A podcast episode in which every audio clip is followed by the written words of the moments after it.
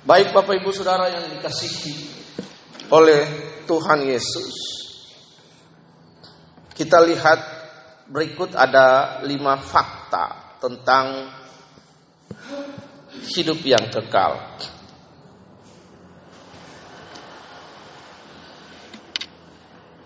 Ya, we will see the five fact of life about the eternity life.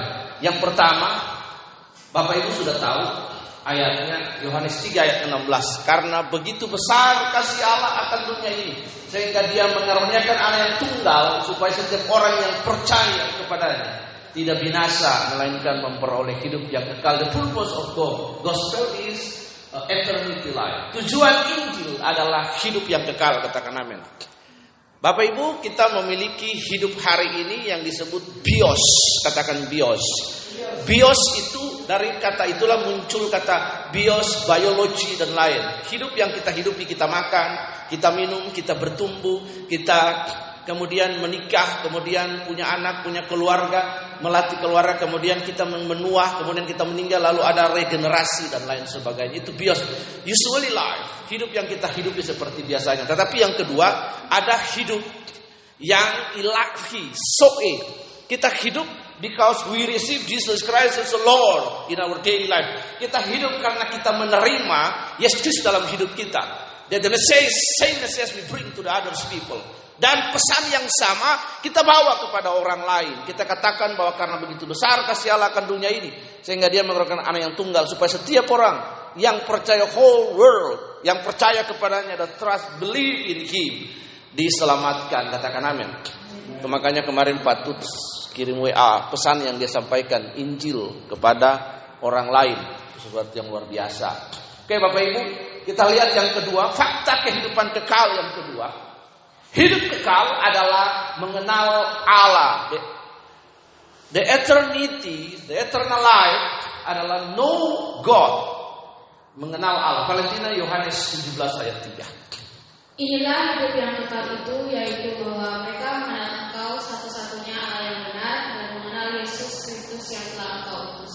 Ya, Bapak Ibu lihat hidup yang kekal adalah mengenal Allah, know about the true God. Tidak ada hidup kekal yang lain without God, Bapak Ibu. Karena itu Bapak Ibu lihat fakta yang kedua, hidup yang kekal adalah know about the true God. The true God is Jesus Christ as our Savior. Yesus Kristus sebagai Tuhan dan Juru Selamat kita inilah hidup yang kekal jika kita mengetahui, mengenal. Bapak Ibu ini penting bagi kita. Jadi hidup kekal itu adalah kita mengenal siapa tuh Tuhan dalam hidup ini. Yang ketiga, fakta yang ketiga tentang hidup kekal adalah mengenal Tuhan adalah hubungan yang intim. Know about God is a intimacy, worship, or relationship with God. Mengenal Tuhan adalah memiliki hubungan yang intim dengan Tuhan. Yang intim itu bukan berarti hubungan suami istri, enggak. Tapi close, yang dekat. Best friend, Bapak Ibu. Mengenal Tuhan adalah kita memiliki hubungan yang intim. Kalau kita mengenal Tuhan, kita berrelasi. Saya mau mengenal Patut, saya berrelasi dengan Patut. Mengenal dia, karakter, sifat, kelakuan. Tahu istrinya, tahu anaknya, tahu kebiasaannya. Mengenal si Kara, dia tinggal di mana, Yehbua sekolah di mana, umur berapa. Iya, cita-citanya apa, kerinduannya apa. Saya tahu tentang dia. Begitu pula, same when we make a, or build relationship with God adalah mengenal Tuhan dan memiliki hubungan. Kita mengenal Tuhan dalam relasi kita dengan Tuhan. Karena itu Bapak Ibu dalam Yohanes 8 ayat 32 tidak ada di sini tapi mingat tolong baca bagi kita. Yohanes 8 ayat 32 bahasa Inggrisnya bilang if you know about the truth the truth shall make you free. Bahasa Indonesianya bilang tiga ya. Dan kamu akan mengetahui kebenaran dan kebenaran itu akan memerdekakan. Ya, dan kamu akan mengenal kebenaran. Kebenaran akan memerdekakan kamu. Bapak Ibu lihat, kebenaran versi Kristen berbeda dengan kebenaran di luar versi Kristen. Versi kita adalah Jesus Christ is true. True itu artinya personal. Kebenaran itu adalah pribadi, the personal business. Kita dapat berrelasi, kita dapat berdoa, kita dapat menyampaikan perasaan kita, kita dapat menyampaikan beban kita. If we come in the condition of the situation, when we seek weakness, we need something. Kita sakit, kita lemah, kita dapat datang kepada dia. Karena firman Tuhan berkata, datanglah kepadaku yang berbahan berat, yang berletih lesu, dia akan memberikan kelegaan kepadamu. Itu adalah fakta tentang hidup yang kekal. Yang keempat, kehidupan kekal tersedia hari ini. 1 Yohanes 5 ayat 12. Tolong baca. Barang siapa memiliki anak, ia memiliki hidup. Barang siapa tidak memiliki anak, ia tidak memiliki hidup. Iya. Yohanes pasal 14 ayat yang keenam berkata bahwa aku adalah jalan kebenaran dan hidup. Tidak seorang pun sampai kepada Bapa kalau tidak melalui anak. Jadi true and only by Jesus Christ kita mengenal Bapa itu. Tidak ada seorang pun dapat mengenal Bapa. Satu-satunya Juru selamat di muka bumi ini yang berkata dalam kisah Rasul 4 ayat 12. Bahwa di muka bumi, di kolong langit ini tidak ada nama lain yang bolehnya manusia diselamatkan. Only by Jesus name. Fakta yang kelima. Tuhan menginginkan hubungan pribadi dengan Anda Bapak Ibu. Dengan kita. Ketika dia menciptakan Adam dan Hawa. Bapak Ibu dia menciptakan Adam dan Hawa, maka mereka berontak kepada dia. Adam dan Hawa menciptakan dua orang pertama, Adam dan Hawa. Dunia itu sempurna, tetapi Adam dan Hawa memutuskan untuk berbuat dosa. They rebel to God. Bapak Ibu mereka berontak melawan Allah dalam kejadian 1 sampai 4 kita dapat melihat itu. Hal ini mengakibatkan kejatuhan manusia, yaitu seluruh dunia menjadi rusak dan menjadi jahat, mengakibatkan weakness, disease, curses, sakit penyakit, kelemahan. Manusia menjadi limited God, limited creators. Before they fall in sin, Adam and Eve in the Garden of Eden, mereka adalah makhluk yang diciptakan unlimited, tidak terbatas. They make a relationship with God. Mereka memiliki relasi dengan Allah di dalam taman itu. Tetapi ketika mereka memutuskan untuk berbuat dosa dengan kesadaran mereka memilih untuk berontak kepada Allah, maka seluruh isi dunia ini jatuh. Inilah yang disebut tragedi. Tragedi terbesar dunia.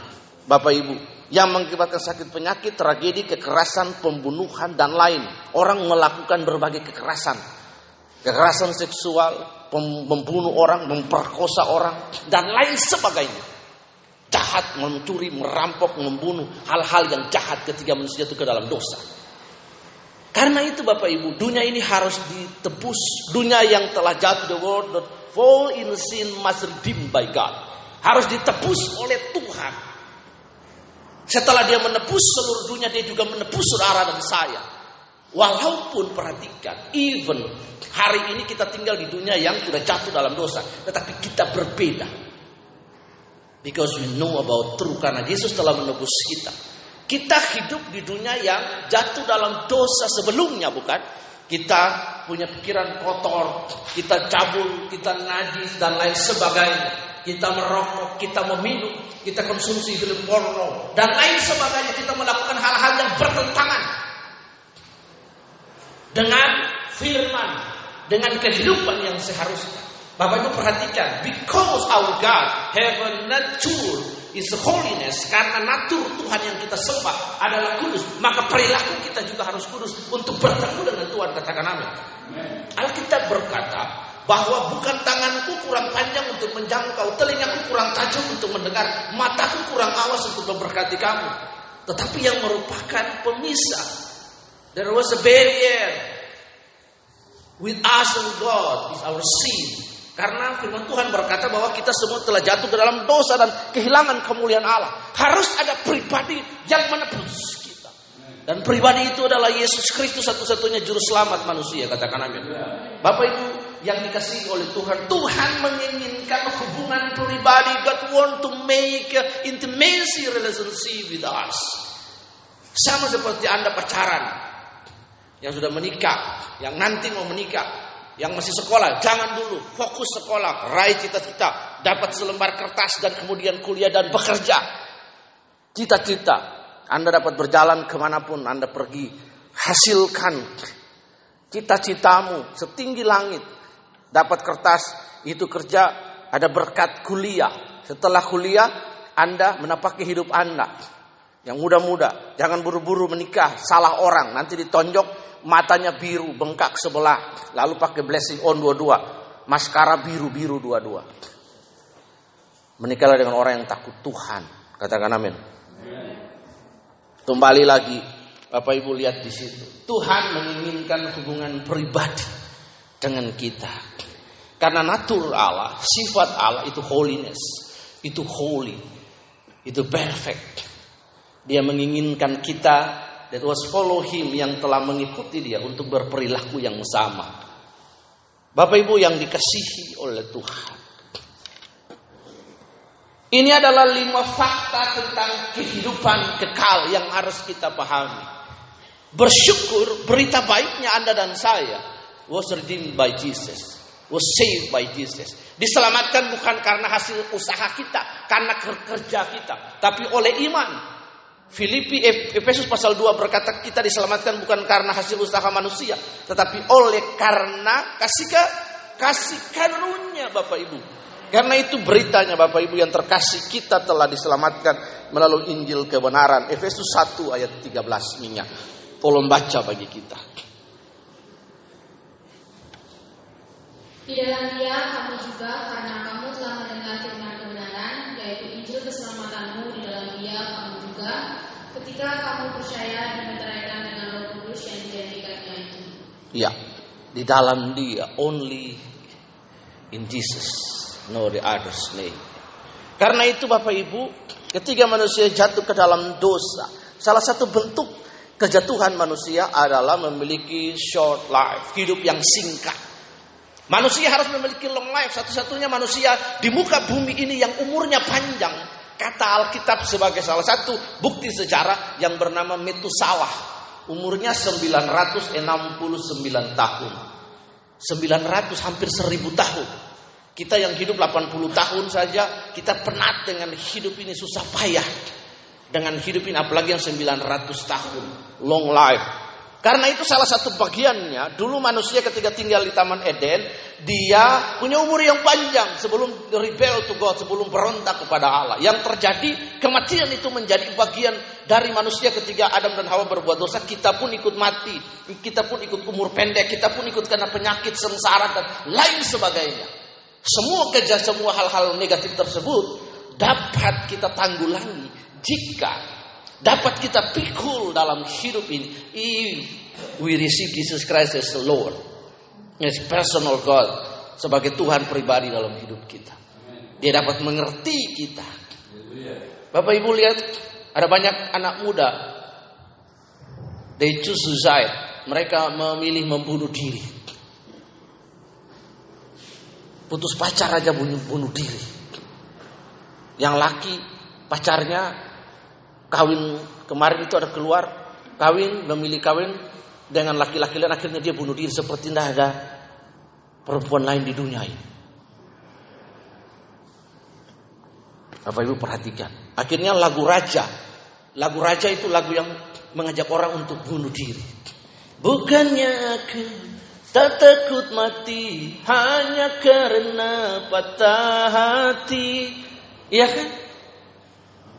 Artinya boleh mati.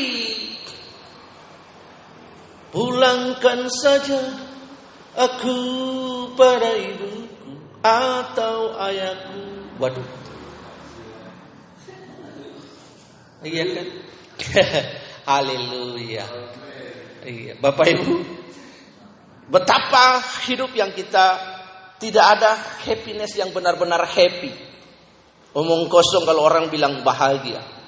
There's no happiness. Only you receive Jesus. Jika kita menerima Tuhan Yesus sebagai satu-satunya sumber kebahagiaan dalam hidup ini. Katakan amin.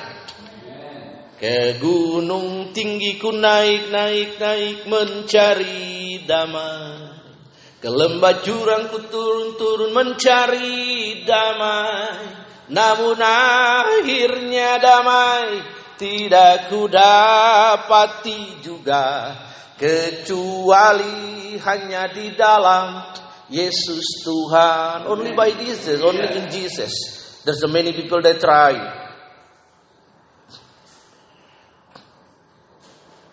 They're looking for happiness, but they never got happiness. Bapak Ibu yang dikasih Tuhan, mereka mencari damai, cari pemuasan. Siapa yang dapat memuaskan jiwa mereka? Akhirnya mereka lari ke narkoba. Minga siap-siap baca Yohanes 10 ayat 30. Mereka mencari narkoba, tidak puas. Tidak pernah ada kepuasan di dunia ini. Anda punya harta, ada orang kaya bunuh diri. Istri yang cantik pun suami selingkuh. Suami yang ganteng pun istri selingkuh. Tidak pernah ada bahagia. Sampai setiap kita menemukan pribadi Yesus yang dapat memuaskan hidup kita. Penuhiku, penuhiku dengan hadiratmu.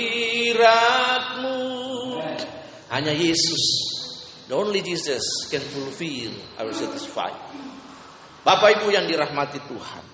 Karena itu salah satu dampak dari jatuh dalam dosa itu adalah kematian yang mengerikan. Itu bukan bagian dari penciptaan. Bapak Ibu perhatikan dulu. Kematian itu bukan dari bagian penciptaan yang orisinil yang Allah rancangkan bagi manusia. Kematian itu ada when Adam and Eve fall in sin. Karena ketiga hari pertama sampai hari keenam, ketiga when God was create all the world, dunia ini. Hari pertama dia berkata semuanya itu baik. Allah melihatnya dan berkata sangat baik, baik, baik, baik, baik semua. Kematian terjadi akibat pemberontakan. Bapak Ibu, Tuhan menuntut kematian individu yang sempurna untuk menutupi dosa dan membawa hidup. 1 Petrus 1 ayat 18 dan 19. 1 Petrus pasal 1 ayat 18 dan 19. Sebab kamu tahu bahwa kamu telah ditebus dari cara hidupmu yang sia-sia yang kamu warisi dari nenek moyangmu itu bukan dengan barang yang tanah, bukan pula dengan perak atau emas, melainkan dengan darah yang mahal yaitu darah Kristus yang sama seperti darah anak domba yang tak bernoda dan tak bercacat. Iya, ada lagu kan bukan dengan barang fana. Kita ditebus dari warisan dosa nenek moyang kita, our ancestor Adam and Eve. Kita jadi orang berdosa bukan karena kita buat dosa. Alkitab berkata sejak dari dalam kandungan kita sudah berdosa. Katakan amin. Pertanyaannya mengapa? Karena nenek moyang kita telah berdosa. Kita tidak perlu belajar tentang dosa untuk berbuat dosa. Alkitab berkata dalam Roma 6, Roma 3, dan Roma 6 juga ayat 30 berkata bahwa upah dosa dalam maut. Semua manusia telah berdosa dan kehilangan kemuliaan Tuhan. Kita tidak perlu belajar. Kita tidak perlu belajar untuk memaki supaya kita berdosa. Tapi kita lantas langsung memaki karena sudah natur dosa dalam hidup ini. Kita tidak perlu belajar menjadi pencuri untuk bisa mencuri. Karena tabiat dosa itu sudah ada. Kita tidak perlu belajar bagaimana berzina untuk bisa berzina. Tetapi sudah ada natur dosa dalam hidup ini. Kita tidak perlu belajar untuk membunuh. Baru kita disebut membunuh atau untuk bisa untuk membunuh. Tapi sudah ada natur dosa dalam hidup ini. Dosa itu merusak semua tatanan hidup Bapak Ibu. Karena itulah dengan hanya only you receive Jesus as a savior dengan menerima Tuhan Yesus sebagai juru selamat, maka kita dimerdekakan dalam hidup ini katakan amin. Karena itu Bapak Ibu, rencana Yesus Kristus ke bumi sebagai Allah dalam rupa manusia. Yohanes 10 ayat 30.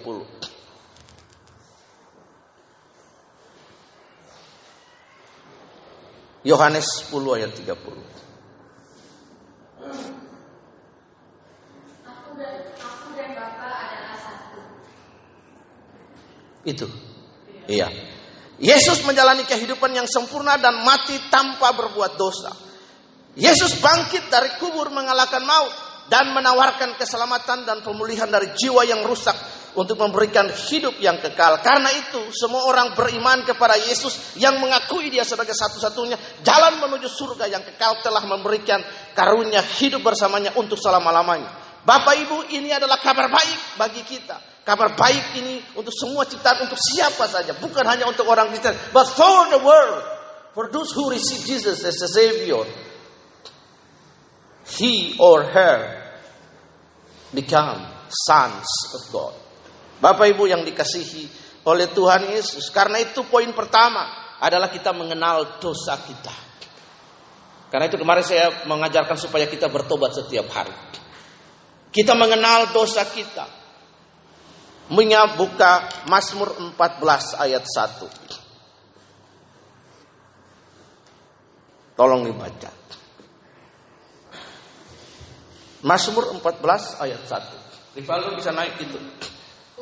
Untuk pemimpin biduan dari Daud, orang bebal berkata dalam hatinya tidak ada Allah, busuk dan jijik perbuatan mereka tidak ada yang berbangga.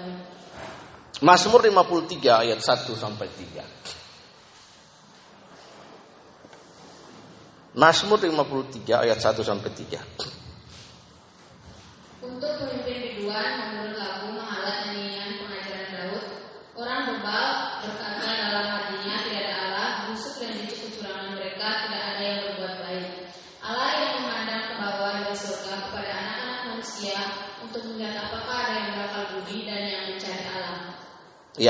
Bapak Ibu karena itu poin pertama kita perlu mengenal dosa kita.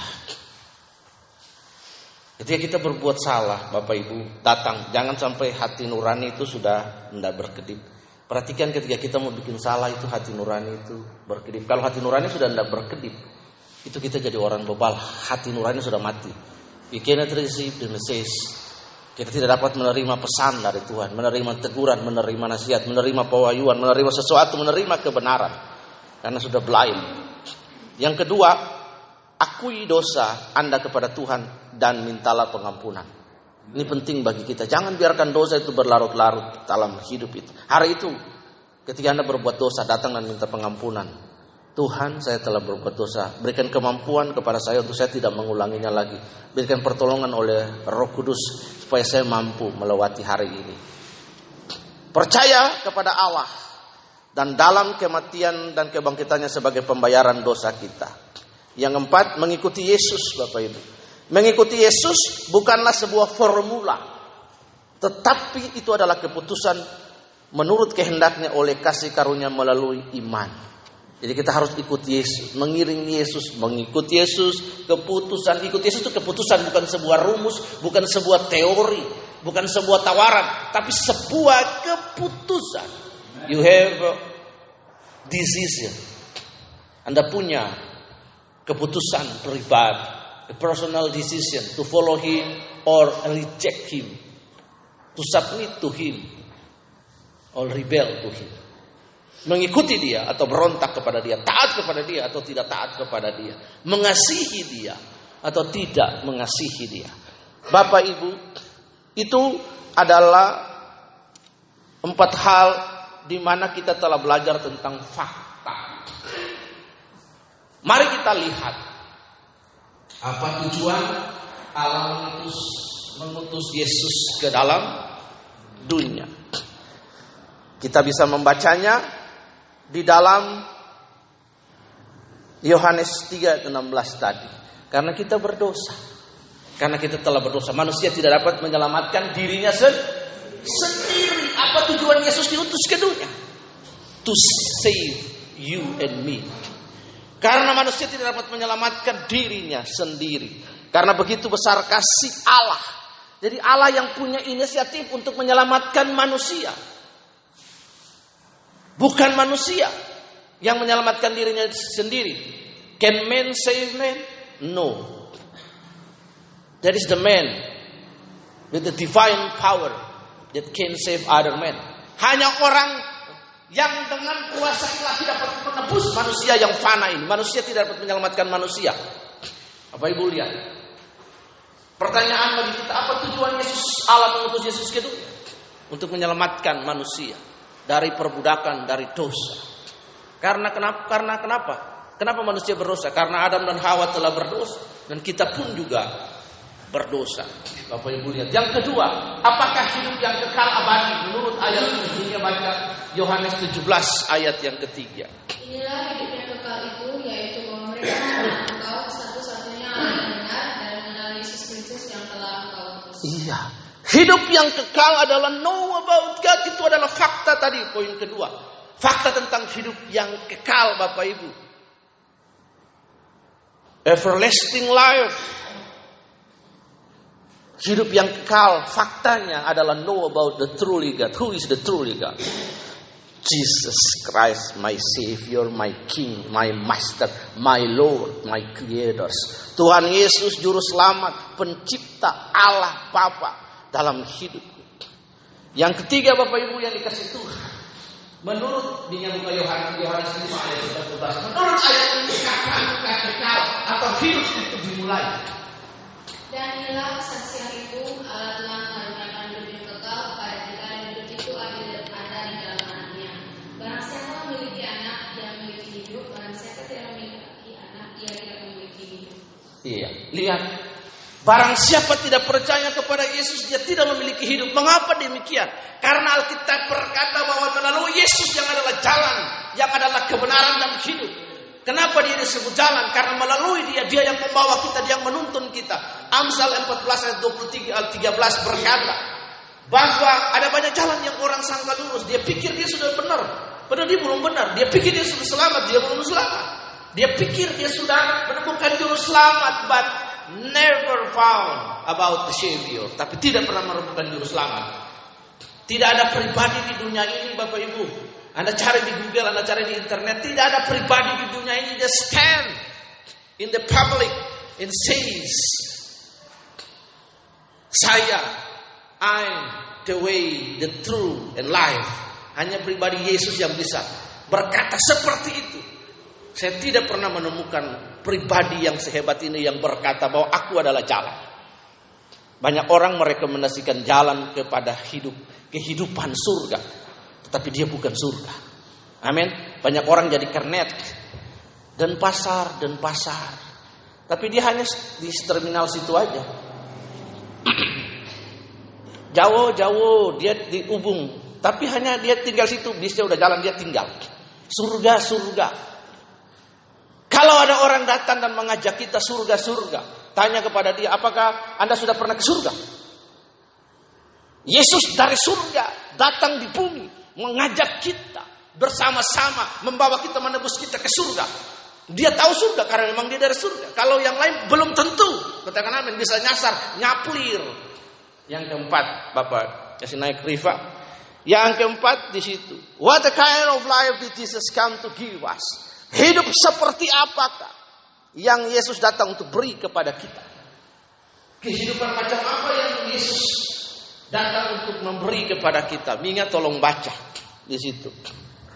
Pencuri datang mencuri dan membunuh dan membinasakan. Aku datang supaya mereka mempunyai hidup dan mempunyainya dalam segala kelimpahan. Lihat Bapak Ibu, pencuri iblis di um, disebut apa? Pen, pencuri karena pekerjaan pencuri membunuh, membinasakan dan merampok habis hidup manusia. Dia mengambil damai sejahtera, dia mengambil kesehatan, dia mengambil kebahagiaan. Bapak Ibu perhatikan, salah satu sifat iblis adalah mengambil dan mengambil, tidak pernah memberi, never give something to you and to me, Bapak Ibu lihat. Orang datang ke pesugihan, Anda tahu pesugihan ya? Kira-kira setan mau kasih bapak kasih harta gratis? No. Orang yang ke pesugihan tuh tumbalnya ada, Anaknya mati, istrinya mati, keluarganya mati, istrinya mati, semua hanya untuk dapat uang. Tidak pernah ada free dari iblis. You must pay something to him. Tapi Yesus disebut free giver, memberi tanpa batas. Even his own life dan dirinya sendiri, nyawanya, darahnya diberikan bagi kita untuk menebus kita. Bahkan ketika dia membayar kita, dia mati atas kayu salib, dia akan datang menyebut kita in the second coming. Itu baru benar-benar Bapak Ibu lihat. Hidup seperti apa? What the kind of life did Jesus come to give us? Makanya ada lagu What What a friend we have in Jesus. Na na na na na na na. Yesus ada sobat kita, amat tulus dan benar. Tiap hal boleh dibawa dalam doa padanya. Oh, betapa kita susah dan percuma berlelah. Bila kurang pasrah diri dalam doa padanya. Amin. Amin. Jadi saya pulang khotbah di GPM kita tahu. Bapak Ibu yang dikasih oleh Tuhan, lihat. Itu hidup yang Yesus berikan bagi kita. Pencuri datang mencuri membunuh. Ada pencuri yang mau mencuri di desa Yehbuah. Dia telepon kakeknya Kara. Ke punapi gatrani. Beci-beci. Nah ke bin mani. Iya.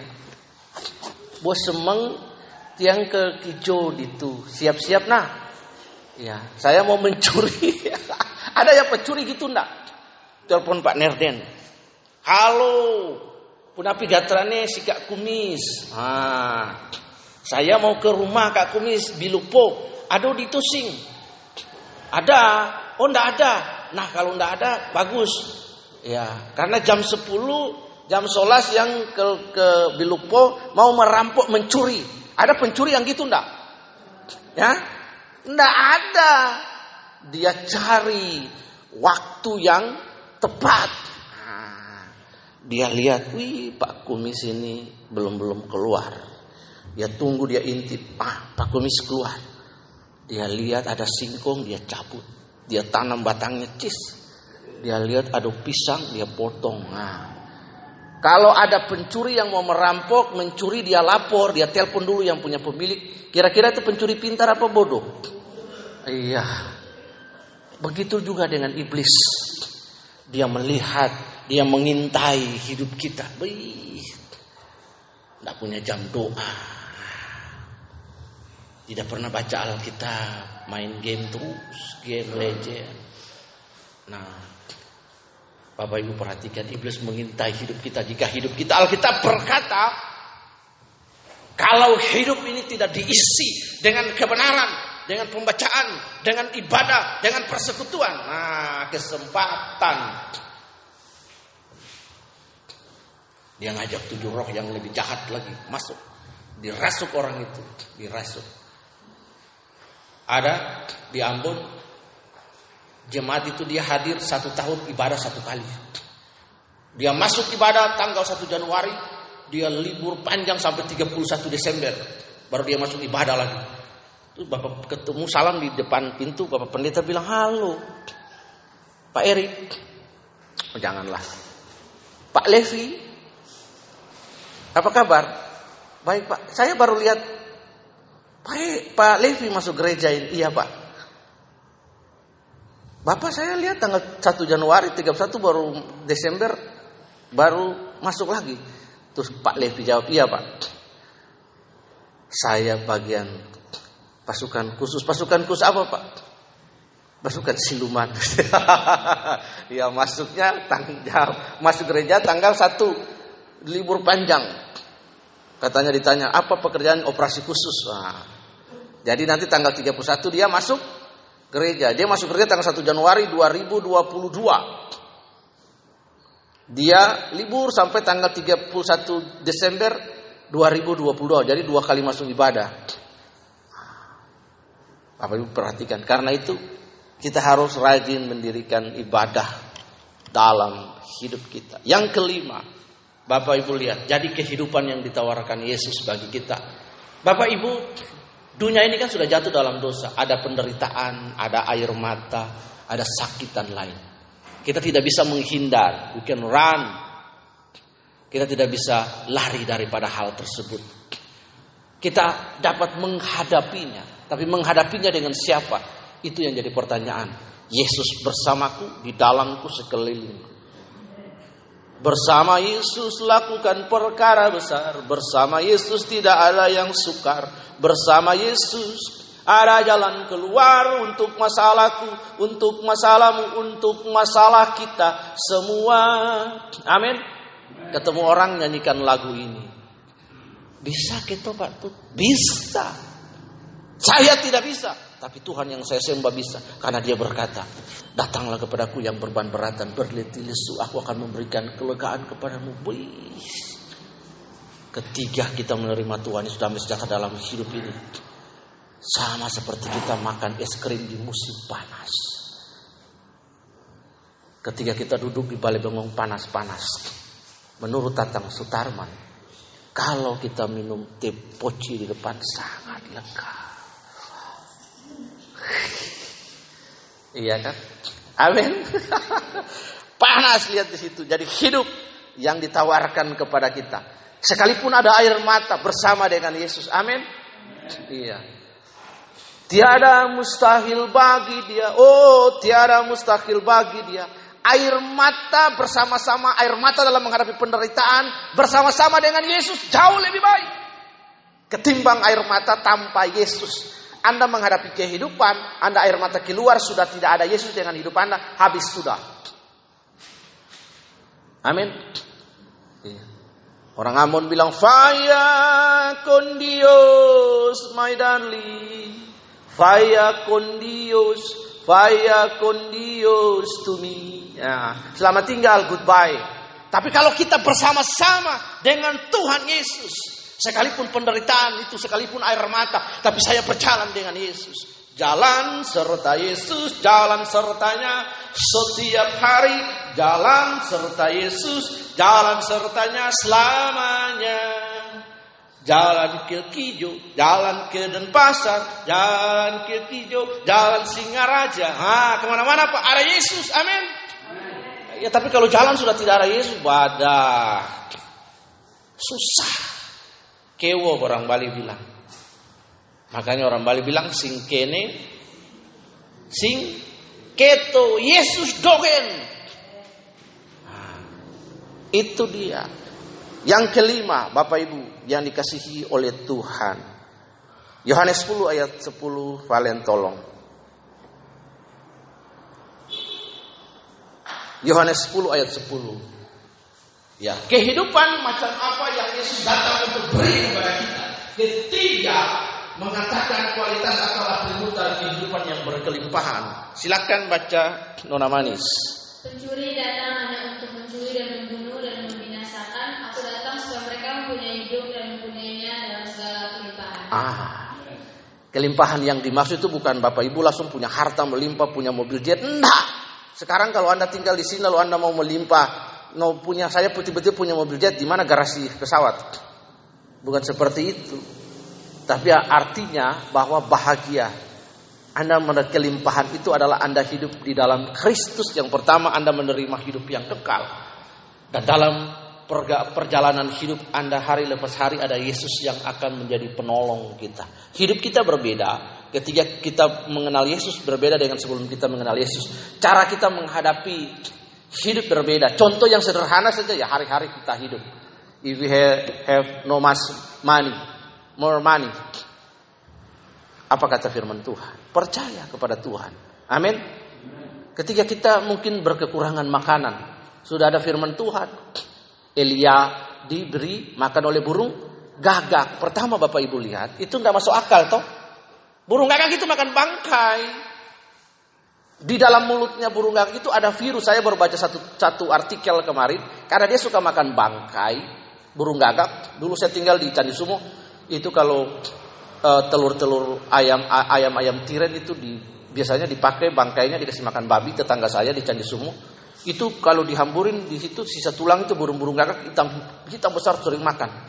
Nah, berdasarkan artikel yang saya baca itu di mulut burung gagak itu ada virus kuman yang kedua itu. Satu, dia makan bangkai, yang kedua ada kuman. Kan tidak mungkin dia membawa daging. Kenapa Tuhan mau pakai burung gagak? Karena mujizat itu jauh melampaui akal pikiran manu, manusia. Yang masuk akal manusia itu kan suka yang terima masuk akal. Yang sesuai dengan akalnya diterima, yang tidak sesuai dia bingung. Nah itu mujizat. Tidak masuk akal unlogically. Tidak bisa diterima oleh akal manusia itu mujizat. Burung gagak bawa roti, bawa KFC atau hotdog pertama kepada Elia, roti dan daging. Hebat ya. Jangan pernah kita bertanya di mana burung gagak mencuri roti itu. Saya pernah baca ayat itu terus saya bingung saya tanya Tuhan burung gagak itu kan bawa daging dan roti. Kira-kira Tuhan perintahkan burung gagak itu mencuri roti itu di mana ya? Rumahnya siapa yang dicuri waktu itu? Anda cari di Alkitab juga nggak ada. Pokoknya dari Tuhan lah. Amin. Iya. Burung gagak melampau mujizat. Hal yang sederhana. Karena itu Bapak Ibu sekalipun ada ketegangan-ketegangan di hidup. Kita mari menjalani ketegangan hidup lebih baik menjalani ketegangan hidup bersama dengan Yesus daripada menjalani ketegangan hidup tidak bersama-sama dengan Yesus itu akan sangat berat hidup kita. Amin. Ada lagu bilang semua yang terjadi lebih mendekatkanku mengenal akanmu Selalu semua yang terjadi bukankah Roma 8 ayat 28 firman Tuhan berkata Allah turut bekerja dalam segala hal untuk mendatangkan kebaikan kepada Anda dan saya katakan amin. Everything by God. Amin. Seringkali kita mikir tidak bisa, tapi akhirnya bisa juga. Bersama dengan Allah kita mampu, kita bisa. Katakan amin. Masa kita kalah sama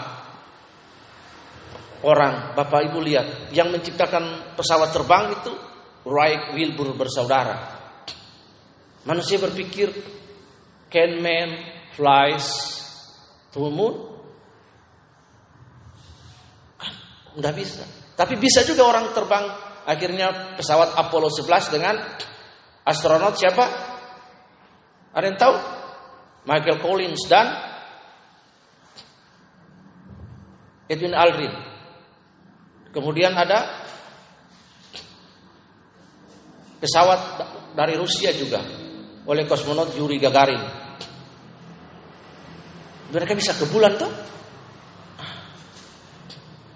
Akhirnya manusia bisa terbang.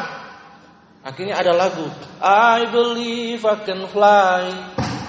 Manusia bisa berjalan di bulan. Ada lagunya. Michael Jackson pakai Walk on the Moon. Nah, gini kan? Akhirnya ada lagunya juga. Talking to the moon. Talking to the moon. Benar kan? Manusia bisa ke bulan. Edwin Arin dan Michael Collins. Apollo 11. Kosmonot dari Rusia Yuri Gagarin dengan Vostok. Mereka bisa ke bulan. Mereka bisa terbang. Semua Bapak Ibu. Karena itu hidup yang itu hidup yang berkualitas. Yang terakhir, yang keenam di situ dibilang Rifa, tolong. Apakah Anda percaya bahwa Allah mengutus anaknya Yesus ke dunia untuk mati bagi dosa-dosa sehingga memberi kita kita yang percaya hidup yang kekal abadi? Apakah kita percaya? Amin mutlak percaya tidak ada keraguan sedikit pun. Yes, I believe, no doubt. Saya percaya 100% tidak ada keraguan. I believe in Jesus. Name bahwa dia datang untuk menyelamatkan kita. Bapak Ibu, lihat di situ.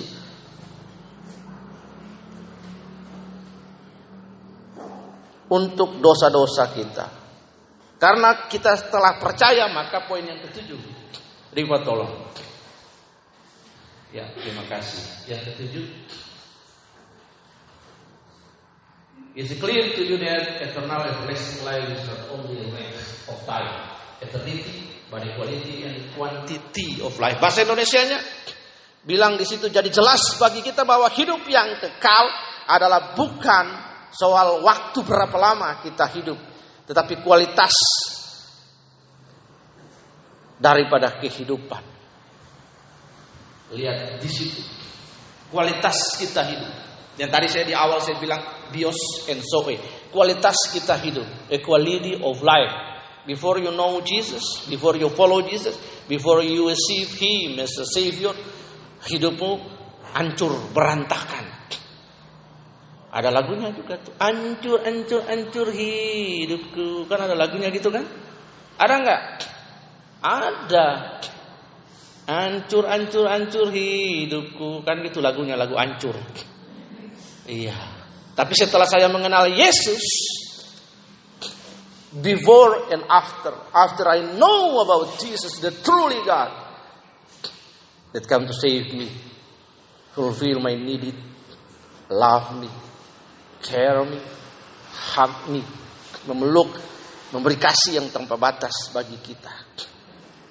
My life is changing. Hidup saya berubah. Katakan amin. Saya tidak perlu melakukan ritual apa pun untuk diselamatkan. Cukup saya menerima dia sebagai Tuhan dan Juru Selamat. Mengaku saya percaya, mengaku bahwa engkau adalah Juru Selamat. Saya percaya saya orang berdosa dan tidak ada dapat mengampuni dosa saya, hanya Yesus yang mengampuni dosa saya. Saya menerima ketertebusan bahwa Yesus mengampuni dosa saya dan saya mau jadi anak Tuhan. Cukup pengakuan itu. Minga baca Yohanes 1 ayat 12 sampai 14. Jadi kita tidak perlu banyak hal untuk diselamatkan, cukup percaya. Yohanes Injil Yohanes pasal 1 ayat 12 sampai 14. Tetapi semua orang yang menerimanya diberinya kuasa supaya menjadi anak-anak Allah, yaitu mereka yang percaya dalam namanya. Ya, terus terus. Orang-orang yang peranakan Sampai ayat 12 saja. Iya. Baca satu kali lagi. Tetapi semua orang yang menerimanya diberinya kuasa supaya menjadi anak-anak Allah. Iya, stop. Tetapi semua orang, siapa saja, bukan orang Kristen loh ya, siapa saja. Karena Yesus Yesus Kristus itu bukan Tuhan orang Kristen. Kalau ada bilang Yesus itu Tuhan orang Kristen salah. Yesus Tuhan segala bangsa di bumi. Amin. Segala umat manusia. Dia bukan Tuhan orang Kristen, bukan Tuhan orang Kristen saja, Tuhan semua umat manusia. Yesus cinta segala bangsa, segala bangsa di dunia. Putih, kuning, kelabu, pokoknya apa sih? Mata sifit, mata sifit, ya kan? Rambut keriting, rambut lurus, iya kan? Hidung mancung, mancung ke dalam, mancung keluar. Ya. Bapak Ibu lihat, dia Tuhan segala bangsa yang percaya. If you believe, you trust to Him, you will be saved. You become sons of God. Menjadi anak-anak Allah. Amin. Di luar Yesus tidak ada keselamatan. Untuk ke surga hanya Yesus karena dia dari surga. Dari surga ke bumi berikan jalan. Lihat. Dari kubur ke salib. Dari salib ke surga. Dia selamatkan hidupku. He came from heaven to earth to show the way from the earth to the grave. From the grave to the sky. Nah, itu lihat dia menebus dosa saya. He pay our sin. Karena itu Bapak Ibu, ini adalah pelajaran bagi kita tentang Yesus. Pesan ini dapat Anda Anda komunikasikan, dapat Anda sharekan, dapat Anda bagikan. Amin. Ya, hari Rabu kita akan menghitung video-video yang sudah di apa jumlahnya, viewernya, komennya, tayangannya berapa. Ya, dan akan mendapatkan hadiah 100,000 rupiah. Luar biasa, ya. Dan terus setelah itu Anda bikin terus, Anda bikin video lagi, ada proyek, kelompok Anda bikin lagi, besok apa lagi, besok apa lagi. Iya, nanti ditaruh, ditaruh di posting, nanti ditaruh di batu penjuru punya akun Facebook dan Instagram. Ditaruh di situ, Anda mau bikin apa, karena kirim Anda taruh. Di situ. Ada yang komen. Ya, kita tidak tahu, siapa tahu ada berkat. Who knows? Others people. Ya, yang jauh dari sini mereka diberkati dengan hidup mereka. Nah, kira-kira seperti itu. Mari kita tunduk kepala dan kita berdoa. Tuhan Yesus, terima kasih kami bersyukur Tuhan hari ini kami mengenal Engkau sebagai satu-satunya juru selamat. dalam hidup ini. Berbahagialah orang yang mengenal engkau dan dikenal oleh engkau. Tidak ada kebahagiaan yang lain seindah Yesus Tuhanku yang mati bagiku, memberikan hidup bagiku, memelihara, menjaga hidupku hanya engkau Tuhan. Dan sampai hari ini beserta engkau telah naik ke surga Tuhan.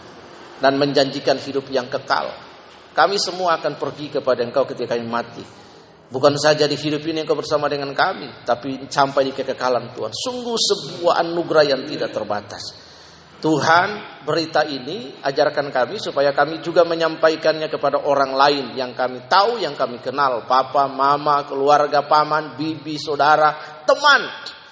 Bahwa ketika kita percaya maka kita menjadi anak-anak Allah. Ketika kita percaya kepada Yesus sebagai Tuhan dan Juru Selamat, maka dosa kita diampuni, kita telah diselamatkan. Kita tidak butuh banyak hal. Tidak butuh hal apa pun untuk diselamatkan. Hanya dengan percaya kepada Yesus.